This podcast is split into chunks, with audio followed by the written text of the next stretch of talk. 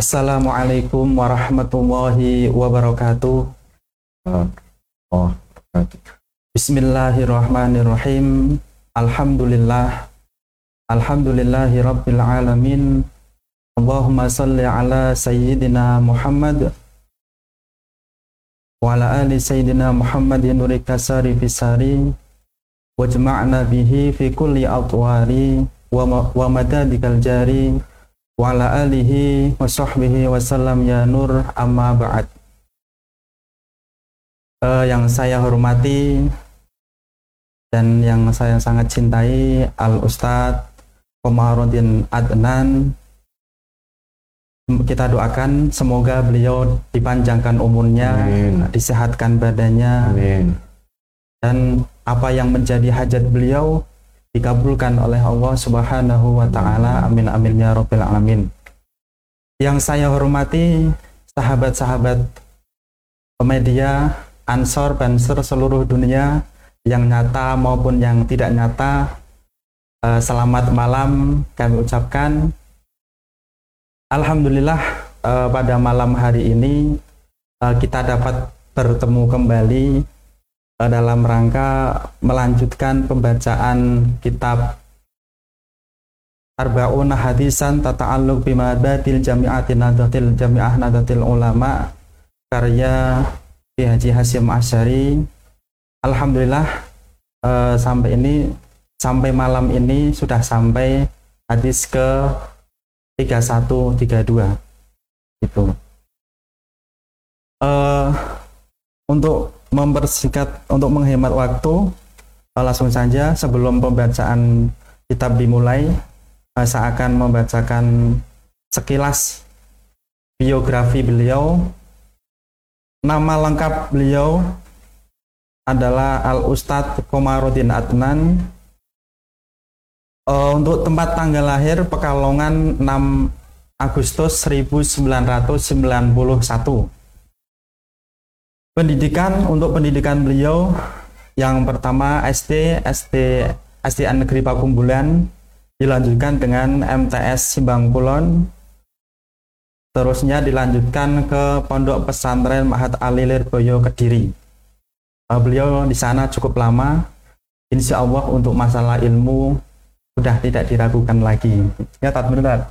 Insya Allah. untuk pekerjaan beliau pekerjaan beliau yaitu wirausaha. Dia juga eh, diam-diam juga ahli usaha ahli ekonom tuh untuk riwayat organisasi riwayat organisasi beliau eh, beliau juga aktif di anggota IPNU terus aktif juga di anggota PAC Kecamatan Buaran.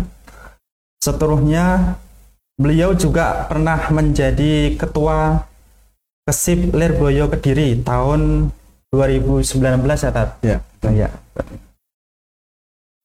Eh, selanjutnya untuk moto beliau. Untuk moto beliau santri santri harus menjadi santri paku. Eh, mohon bisa dijelaskan Pak untuk artinya gimana? Ya, untuk santri itu harus menjadi santri paku. Ini adalah kamakola dari Al-Maghfurlah Pramuki Haji Abdul Karim, muasis Pondok Pesantren Derboyo. Hmm, hmm, hmm, hmm. Jadi filosofi daripada paku itu adalah dia kecil, kemudian tidak nampak, Hmm, hmm. tapi bisa mengeratkan satu kesatuan yang lain. Hmm, subhanallah. Sehingga apa pun yang kita bisa itu hendaknya se- bisa seperti halnya paku, walaupun toh sedikit, tapi kita bisa bermanfaat dan tidak membuat cerai-berai daripada sekeliling Masya kita. Allah. Jadi menjaga kesatuan dan persatuan. Jadi harus jadi manusia pemersatu bangsa gitu. Pak? Ya, insya Allah seperti itu. Ah, Alhamdulillah. Sangat bagus sekali ya sahabat-sahabat media untuk moto beliau.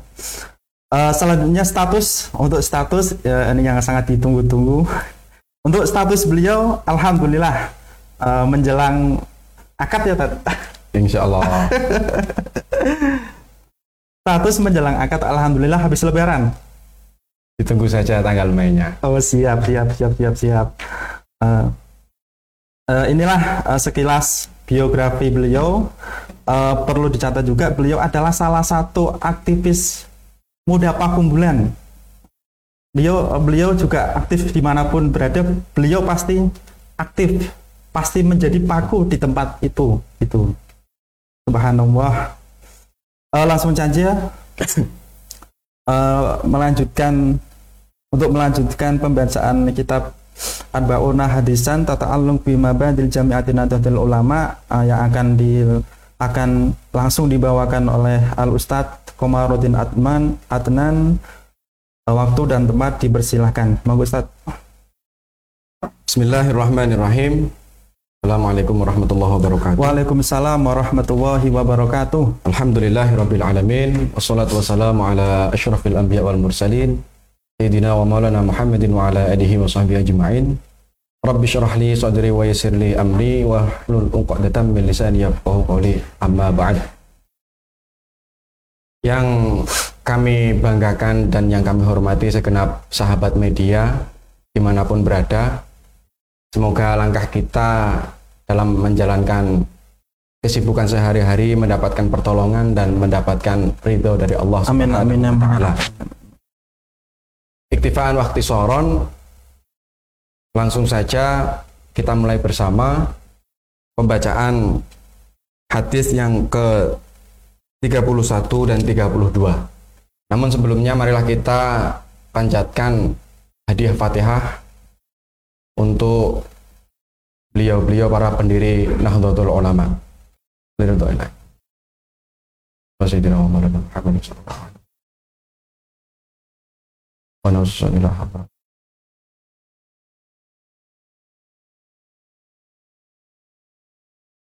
ولجميع المسلمين والمسلمات والمؤمنين والمؤمنات. شاء لله لهم الفاتحة. أعوذ بالله من الشيطان الرجيم. بسم الله الرحمن الرحيم. الحمد لله رب العالمين. الرحمن الرحمن الرحيم. مالك يوم الدين. إياك نعبد وإياك نستعين. اهدنا الصراط المستقيم. صراط الذين أنعمت عليهم غير المغضوب عليهم ولا الضالين. Bismillahirrahmanirrahim. Qala al-musannifu rahimahullahu taala wa nafa'ana bihi wa bi ulumihi bid. Amin ya rabbal alamin. Hadis yang ke-31. As-sakhiyu qaribun minallah, qaribun minal jannah, qaribun minan nas, ba'idun minan nar. As-sakhiyu utawi wong kang loman atau dermawan iku koribun kang parek minallahi saking Gusti Allah qaribun iku kang parek minal jannati saking swarga.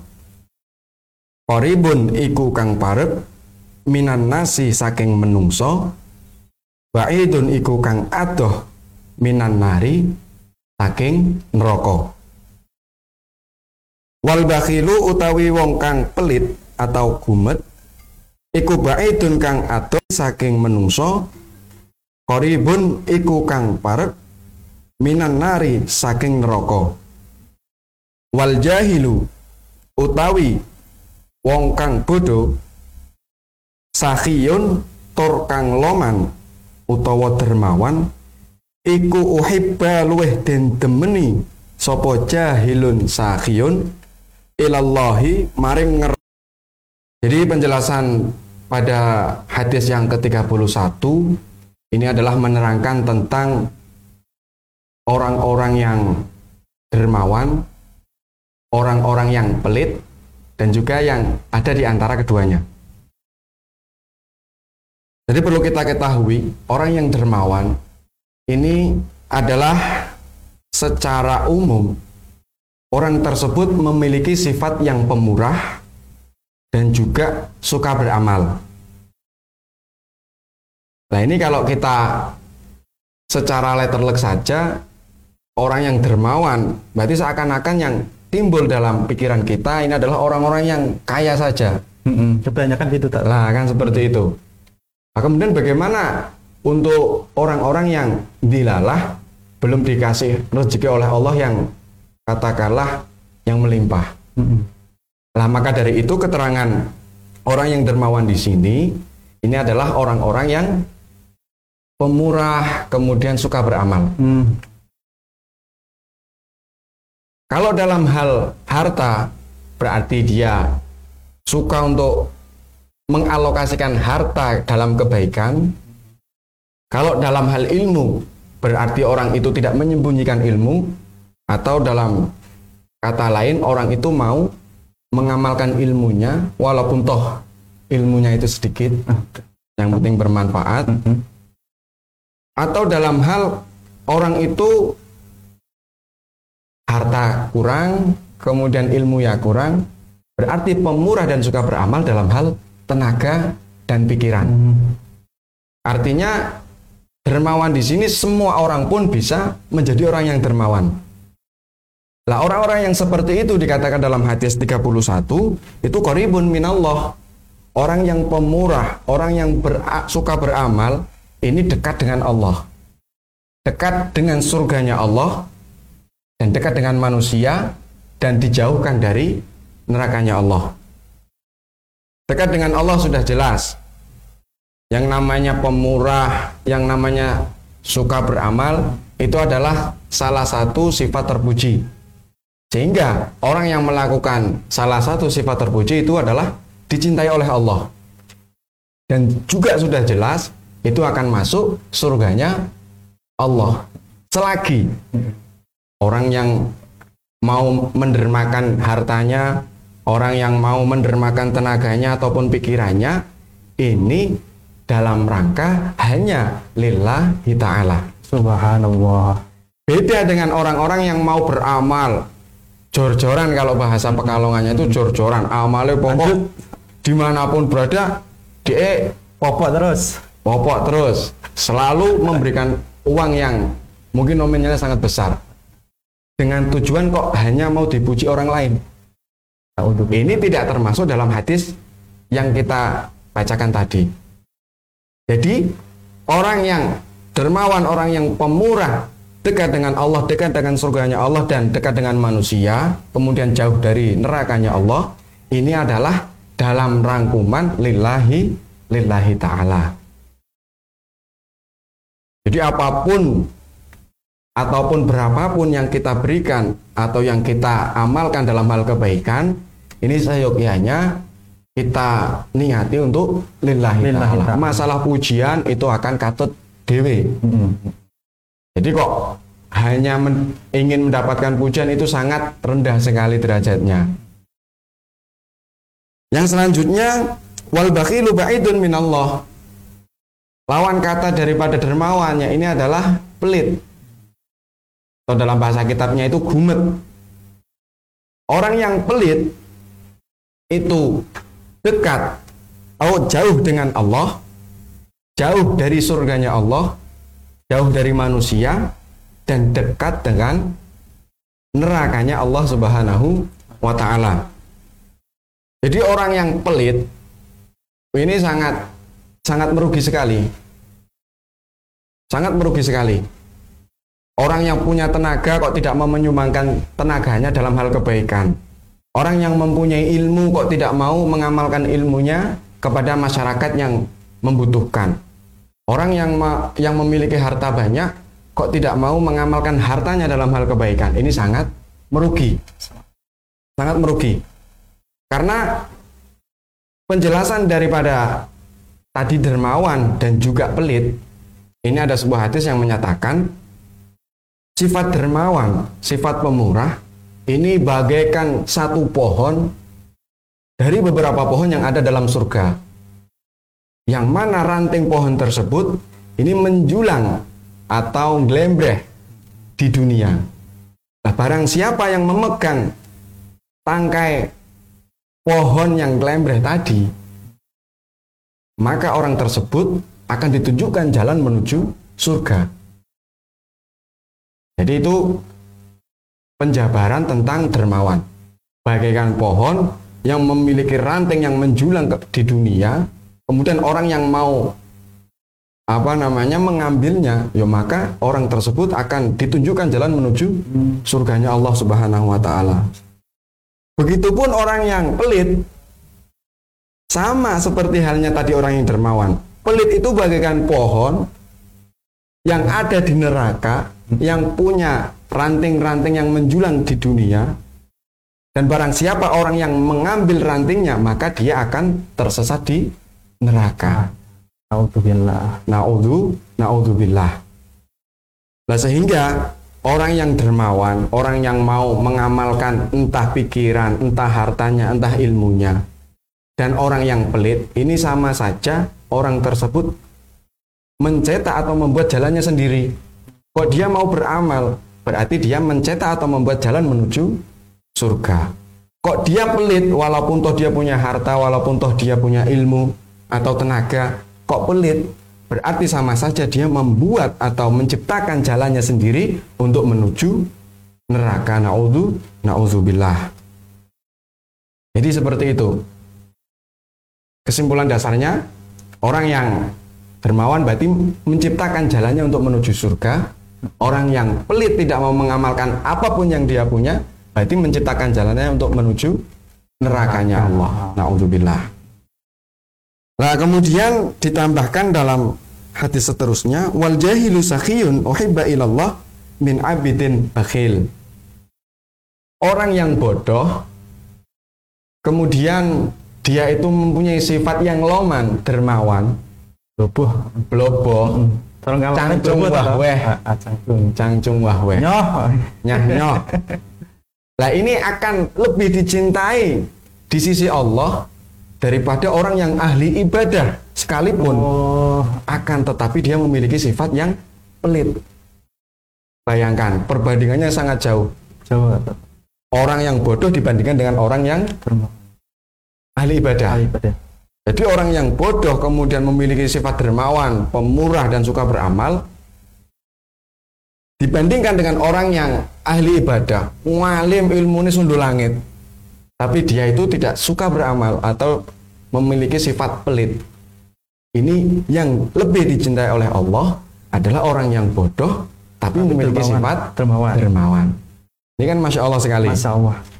Perbandingannya sangat jauh. Nah ini mungkin untuk kalangan kita lah ya, kalangan kita yang mungkin harta kurang, artinya Pas-pasan. dilalah Gusti Allah masih memberikan segitu, ilmu pun segitu, tenaga pun mungkin ya kalah dengan senior-senior kita. Nah, Nah ini mungkin kita ngambil yang ini. Jadi orang yang bodoh tapi kita punya sifat dermawan, itu akan lebih dicintai oleh Allah daripada orang yang mualim, yang ahli ibadah, tapi pelit. tapi pelit. Nah, ini sahabat media sudah bisa menggambarkan sendiri ya, bagaimana orang yang dermawan dan seterusnya, orang yang pelit tadi yang di- kami sampaikan, kemudian orang yang di antaranya orang yang bodoh tapi mempunyai sifat dermawan. Nah, alangkah baiknya kita kok alhamdulillah diberi harta yang Akeh. melimpah, Heeh. akeh, Ngalim kemudian juga. ngalim ilmune ya, hmm, ilmune bisa bermanfaat untuk orang lain dan juga ahli ibadah. Mudah-mudahan kita semua selalu diberi pertolongan oleh Allah dengan diberikan atau disematkan sifat dermawan. Allahumma Amin. Allahumma amin. Karena dalam hal apa pun kita itu memang harus sadar. Jadi kalau misalkan kita hanya mendengarkan pengajian seperti ini tanpa kita mengangan-angan, insya Allah orang itu kurang sadar. Tapi kalau kita sadar, jadi apa yang kita punya, apa yang kita miliki, ini seyogianya bisa bermanfaat untuk orang lain. Walaupun toh itu harta yang sedikit, walaupun toh itu tenaga yang kurang bersemangat, Lemes. nah lemes, walaupun toh itu pe- pemikiran-pemikiran yang kurang. Nah ini seyogianya kita itu harus memiliki kesadaran diri agar kita itu menjadi santri paku tadi. Ah, ah. Walaupun toh kecil, walaupun toh sepele, tapi bisa bermanfaat. Itu satu modelan seperti itu ya. Ah. Tapi dalam hal ini kami mengut eh, apa namanya mengutip kamakola dari eh, Sayyidina Ali bin Abi Thalib. Mhm. Jadilah orang yang dermawan, tapi jangan menjadi orang pemboros. Jadilah orang yang hidup sederhana, tapi jangan menjadi orang yang kikir. Artinya dalam dermawan, dalam hidup sederhana ini ada batasannya, Ustaz. Jadi kalau dermawan bagus, tapi kalau pemboros tidak bagus. Orang hidup sederhana, hemat, bagus. Tapi terlalu hemat diperes, Pelit ya. nah sehingga menjadi kikir atau pelit, ini tidak tidak bagus. Itu adalah kamakola Sayyidina Ali bin Abi Thalib. Jadilah orang dermawan, tapi jangan menjadi orang yang boros. Berarti Ustaz, berarti antara hemat sama pelit perbedaannya sama ti- eh, Tipis. tipis sekali. Tipis sekali. Hemat sama pelit. Iya. Oh. Jadi kalau misalkan Jadi harus hati-hati ya, harus hati-hati. Harus hati-hati. Apa namanya tadi? Menjadi orang dermawan, jangan sampai menjadi orang yang boros. Mm-mm. Menjadi orang yang hidup sederhana, jangan sampai menjadi orang yang pelit. Karena ini sangat tipis sekali perbedaannya, hati-hati. Kemudian ditambahkan eh, apa namanya yang disampaikan oleh Imam Syafi'i karena ini bab apa namanya berbuat baik ya. Yang namanya berbuat baik itu kan pasti berat. Nah, Imam Syafi'i menyatakan pekerjaan terberat itu ada tiga. Jadi pekerjaan yang terberat menurut Imam Syafi'i ini ada tiga. Yang pertama, sikap dermawan atau bersifat dermawan dikala dia itu dalam keadaan sempit, stres dan lain sebagainya, tapi kita pengen dermawan. Mumet mumet. Nah. dilema, dilema. Ini cara bahasa pekalongannya muat-muatan. Muat-muatan. Nah, pikirannya Bingung, koyen. bingung. Nah, maka itu disampaikan oleh Imam Syafi'i merupakan pekerjaan-pekerjaan yang berat. Sikap dermawan dikala keadaan sempit. Kemudian menjauhi dosa dikala sendiri. Jadi nek kita sendiri, ini kan pasti potensi-potensi untuk melakukan dosa itu banyak. Karena mungkin kita hanya berdasarkan pandangan orang lain, orang ono wong, tidak ada orang yang melihat. Kemudian yang ketiga berkata benar di hadapan orang yang ditakuti. Itu adalah merupakan kutipan dawuh dari Imam Syafi'i. Seperti itu. Kemudian melanjutkan hadis yang ke-32. Bismillahirrahmanirrahim. La tazalu ummati bi khairin ma akhadu al ilmah an akabirihim. La tazalu ora kingsir kingsir.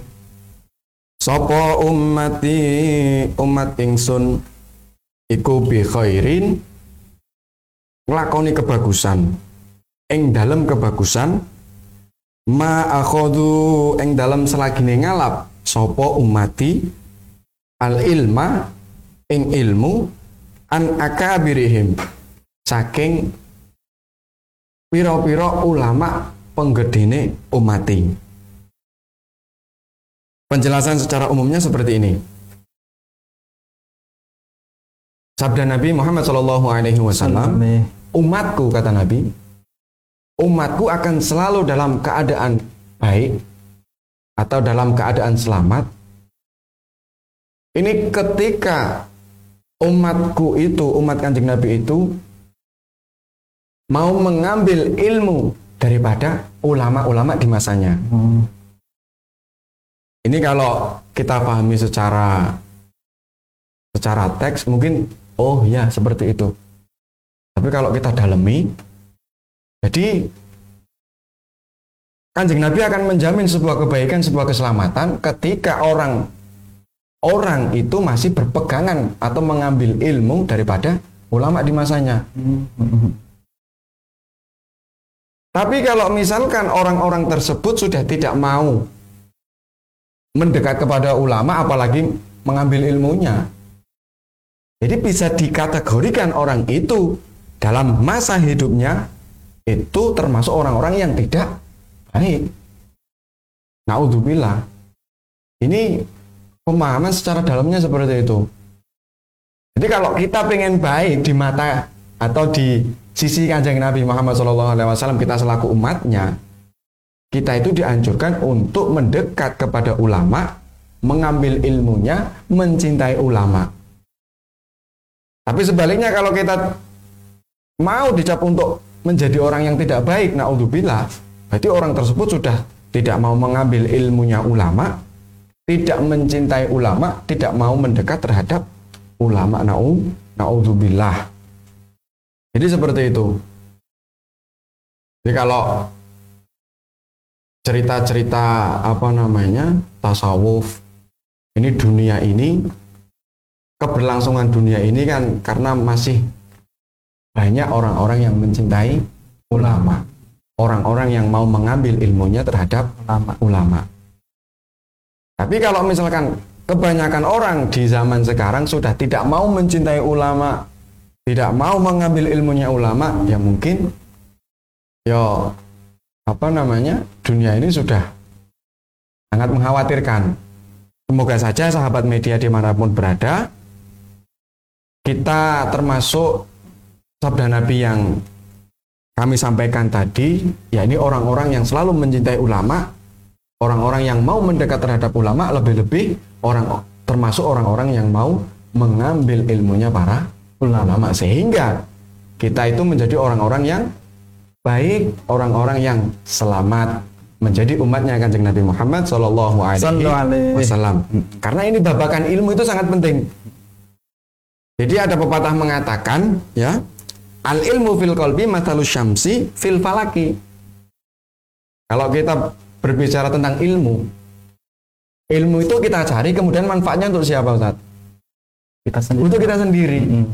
Makanya makalah yang tadi saya sampaikan ilmu yang menancap dalam hati atau ilmu yang kita punyai, yang kita simpan dalam hati itu bagaikan matahari yang ada dalam cakrawala matahari itu adalah tata surya yang sangat penting peranannya terhadap kehidupan di bumi. Ilmu itu bagaikan matahari, Ustaz.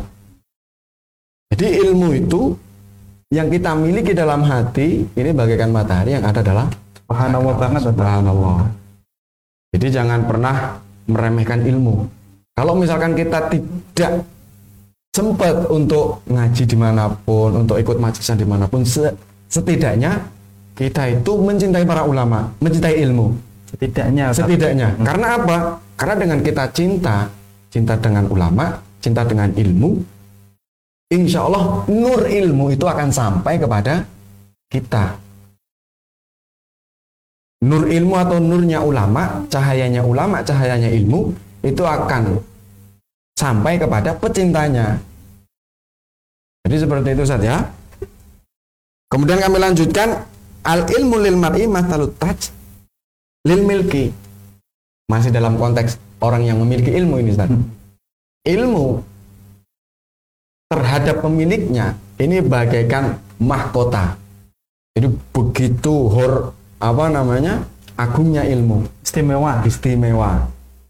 Ilmu terhadap pemiliknya ini bagaikan mahkota. Nah, seperti itu. Saya berbicara tentang ilmu kok katakanlah sangat bersemangat sekali karena kita jangan sampai lupa yang yang diwariskan kanjeng Nabi satu-satunya itu adalah ilmu. Jadi disampaikan wa ta'lim aidon khairun wirasah.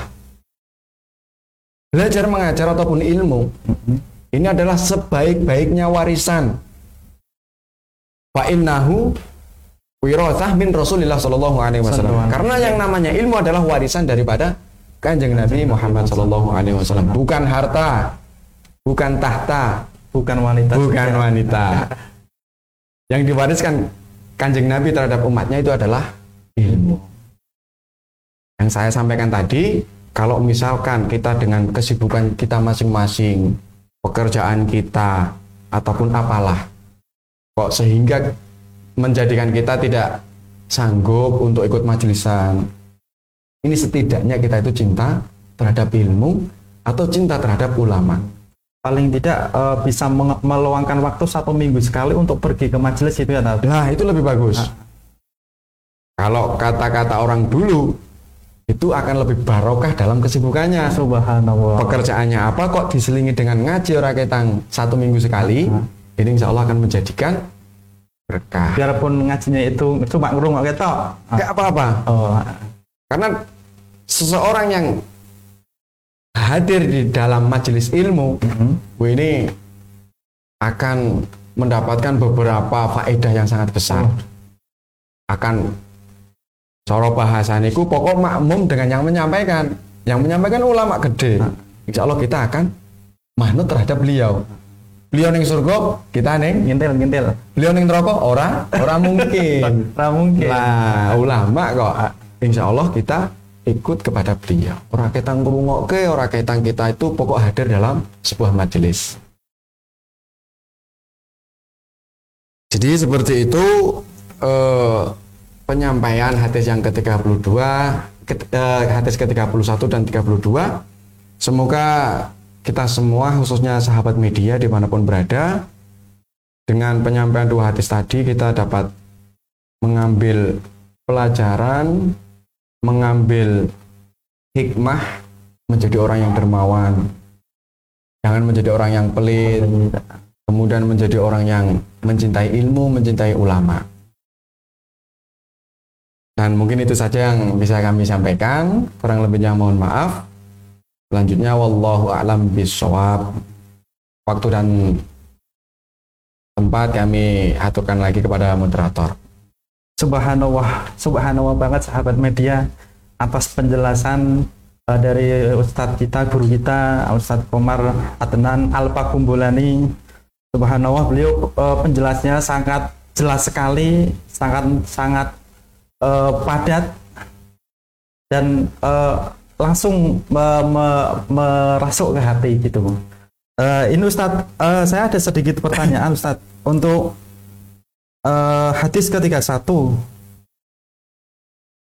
Ya. Eh, apa sih eh, kiat-kiat untuk menjadi kita eh, maksudnya kita biar tidak menjadi orang yang pelit pelit terus juga apa eh, banyak pertimbangan kayak gitu itu ada enggak maksudnya kiat-kiat khusus kayak gitu atau kamu lakuin ini lakuin ini nanti insya Allah lama kelamaan akan menjadi bisa dermawan kayak gitu ada enggak Ustaz kiat-kiat seperti itu ada enggak Ya.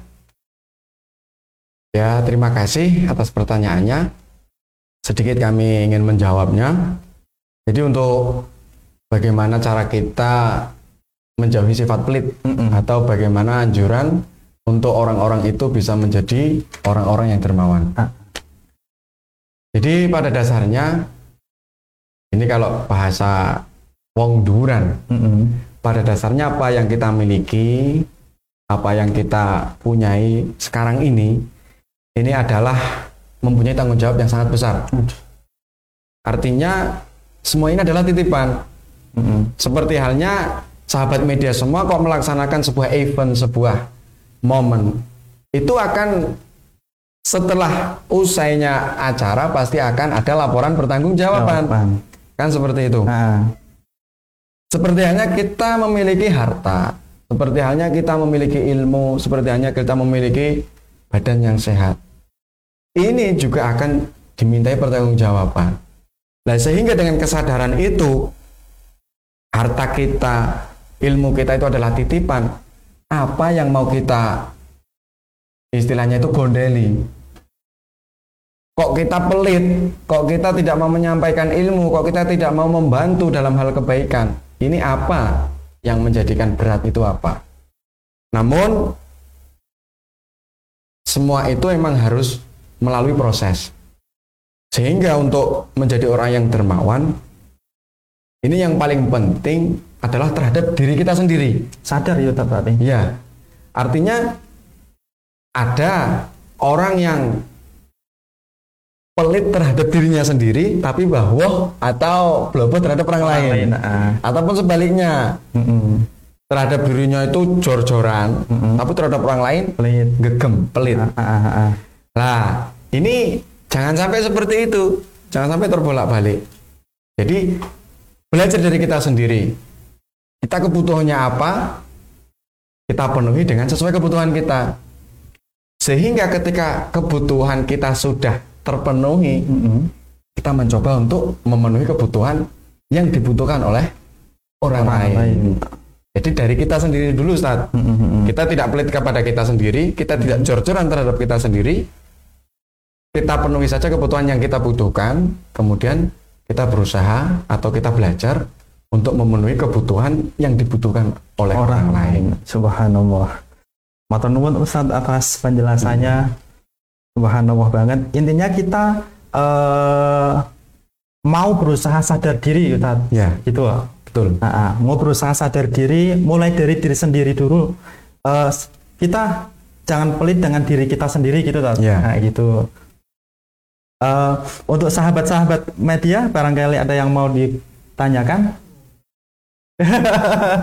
Mohon eh, disampaikan satu-satu nanti biar beliau yang akan jawabnya langsung. Nah ini ini ada pertanyaan dari Muhammad. Riyadus Surur. Pertanyaannya bagaimana dia mendapat tapi awal dari titik Islam.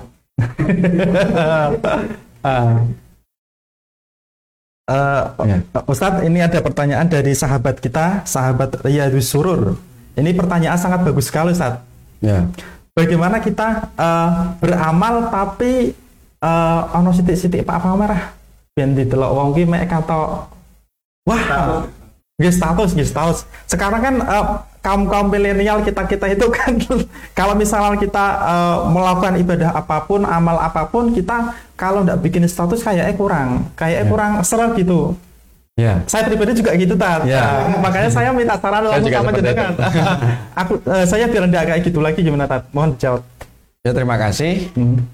Eh, pertanyaannya bagaimana jika seseorang itu bersodakoh tapi dengan diselingi sedikit sifat pamer atau riak. Kalau kita mengambil hukum yang katakanlah hukum yang tertulis, Mm-mm. yang namanya pamer ataupun riak, ini akan menggugurkan semua amal yang kita lakukan. Kita sholat pun kok pamer, sholatnya sah, tapi pahalanya kita tidak mendapatkan. Begitupun sodako. Sodako berapapun yang kita berikan, kemudian kita kok selingi atau iringi dengan sifat pamer, ya maka sodakonya tetap sah, tapi kita tidak mendapatkan pahala. Namun, seperti ini, ada kalanya orang beramal, katakanlah untuk membangun masjid. Kemudian disebutkan nominalnya dan disebutkan orang yang memberikan. Si A memberikan eh, apa namanya infak untuk pembangunan masjid 500 juta katakanlah seperti itu. Ini apakah tidak boleh? Boleh. Dengan tujuan bukan pamer, dengan tujuan untuk menarik atau istilahnya yang lain. Mancing mancing. Mancing. Ah, ah. Mancing pamer, terhadap orang yang lain. Nah, kita kita sedikit itu kan saja. Rubah niatnya bukan pamer. Tapi untuk memancing orang lain biar ikut sama-sama Oh. menyumbang pembangunan masjid misalnya seperti itu. Berarti kalau misalkan ada eh, pengunjung, misalnya oh yang eh, orang yang dengar, ah kayak disebut kayak kayak pamer kayak itu gimana itu tato?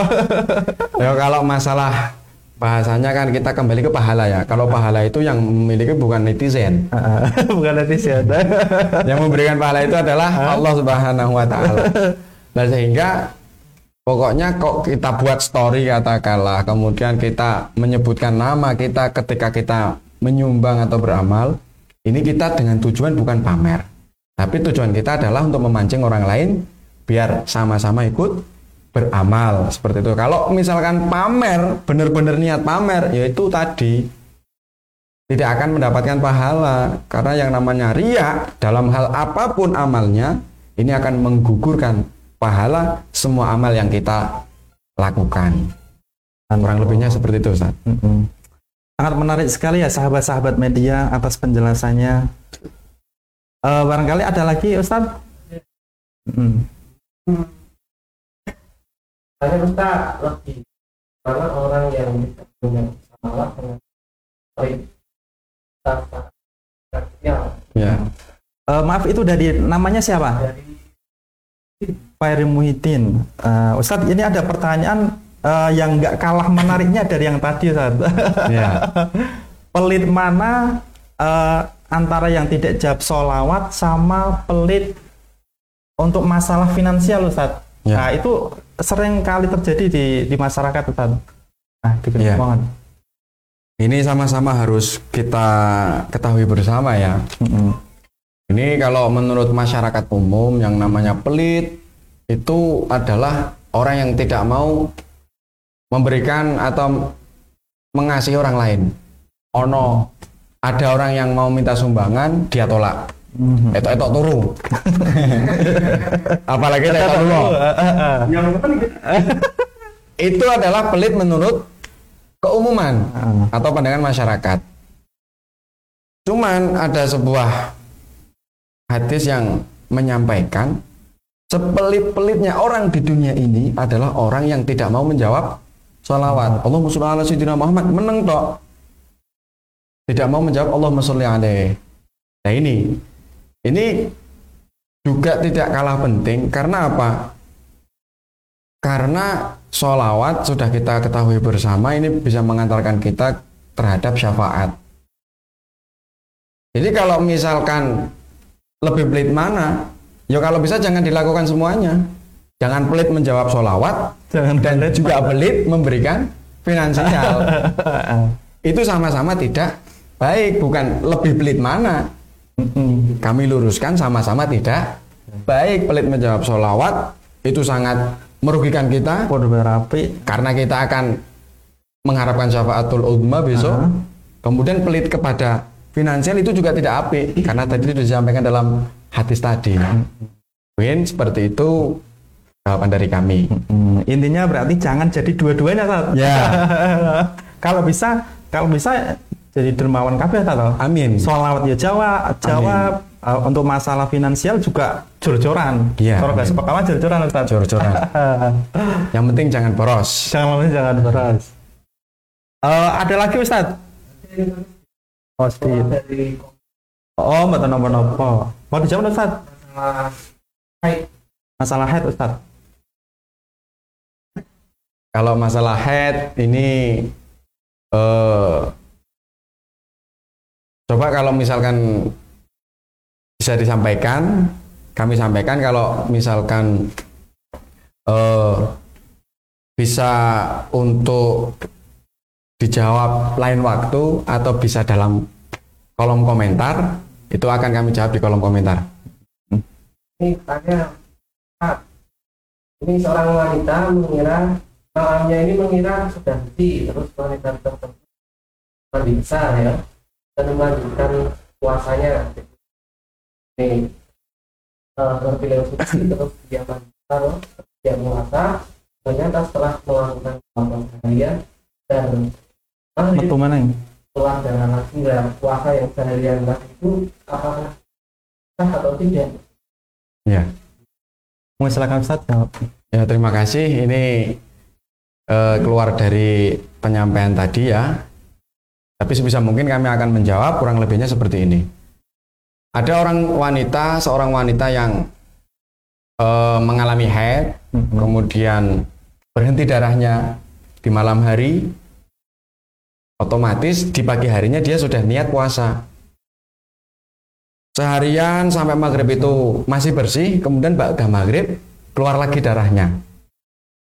Nah yang perlu kita ketahui, kita itu harus mengetahui masa maksimal head dan masa maksimal suci. Ya. Kalau minimal head itu adalah sak kecerotan. Hmm. Sak itu sak. Nah, itu masa minimal head. Kemudian masa maksimal head itu adalah 15 hari 15 Ah. malam. Kita lihat saja dalam praktek yang disampaikan oleh penanya tadi. Keluar darahnya wanita yang disampaikan tadi ini masih dalam konteks atau masa maksimal head atau bukan? Katakanlah head yang sebelumnya itu tujuh hari Mhm. sudah berjalan tujuh hari.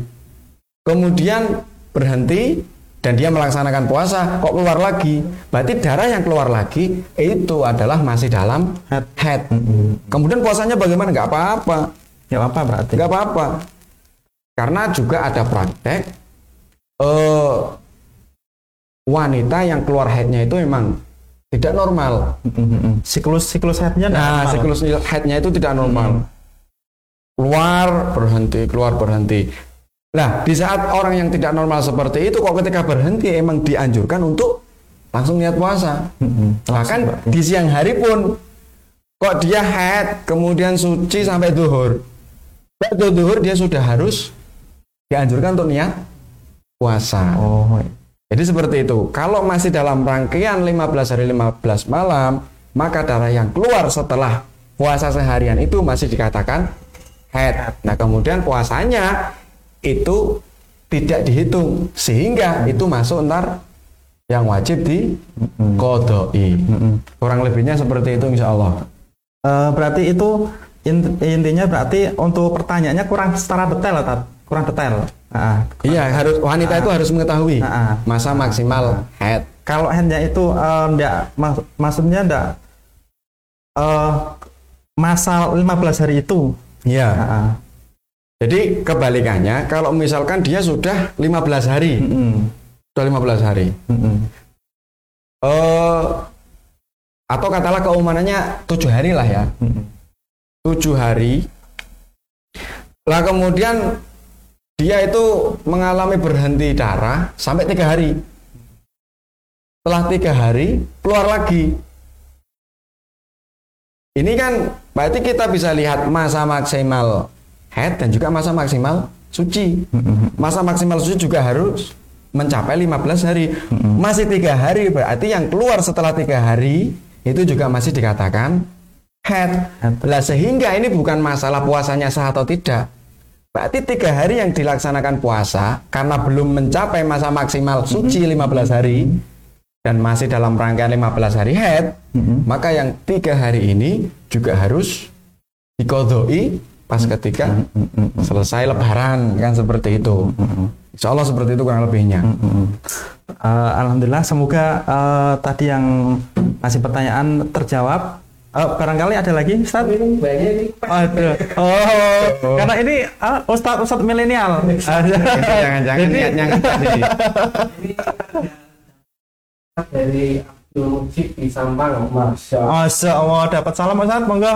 Saudara saya itu. Oh, saudara, saudara. Saudara dari Madura yang sangat nggak teli.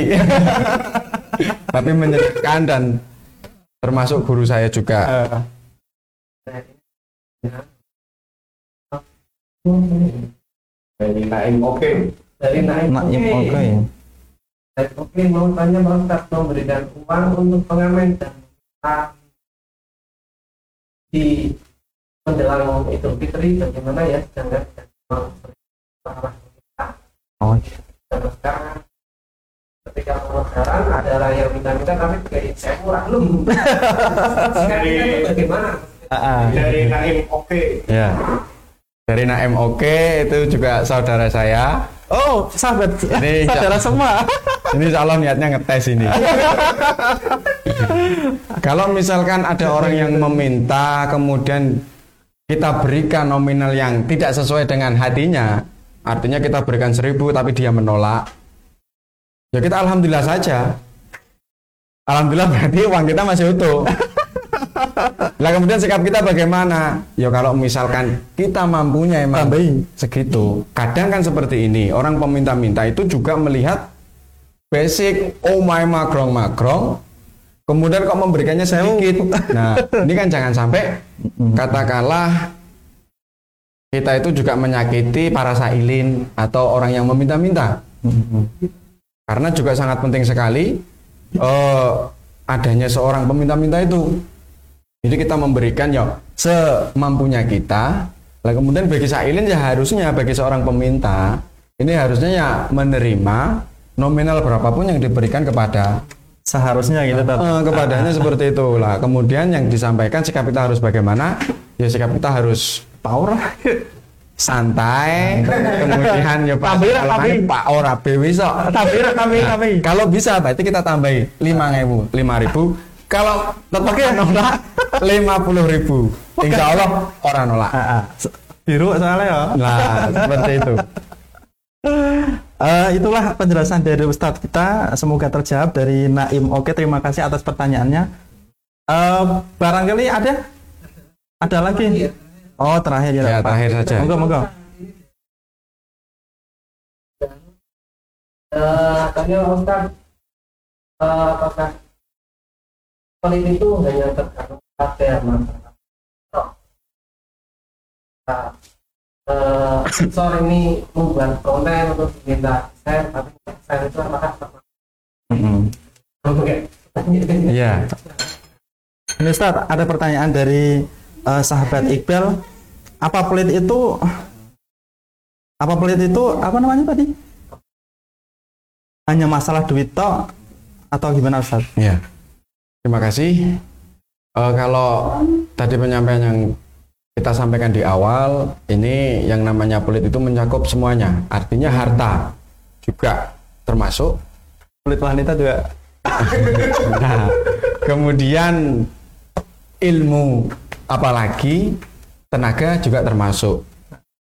Lah disampaikan tadi dari sahabat Iqbal, bagaimana ketika orang itu tidak mau menge-share konten-konten yang baik seperti halnya pengajian seperti ini, Mhm. itu apakah termasuk pelit? Kalau misalkan kita bisa, kok kita nggak mau nge-share, Ah, ah. ya ini berarti termasuk orang yang pelit tapi dalam hal dalam hal kuota. Mel kota. Artinya apa yang kita lakukan untuk kebaikan kan insya Allah kita ikut baik. Apa ruginya sih kita ngikut nge-share, nge-like, Kota paling siti ya. lah kan seperti itu. Artinya untuk kita benar tidak bisa melakukan hal yang lebih. Tapi kita ketika nge-share, kemudian dengan berbeda-beda teman kita di med- media sosial, dengan share apa yang kita share, kemudian orang lain bisa mendengarkan, bisa melihat isi kebaikan yang dia share. Insya Allah yang menge-share itu juga sangat baik sekali kan seperti itu. Jadi apakah pelit atau tidak? Insya Allah pelit. Pelit dalam hal tidak mau meng-share.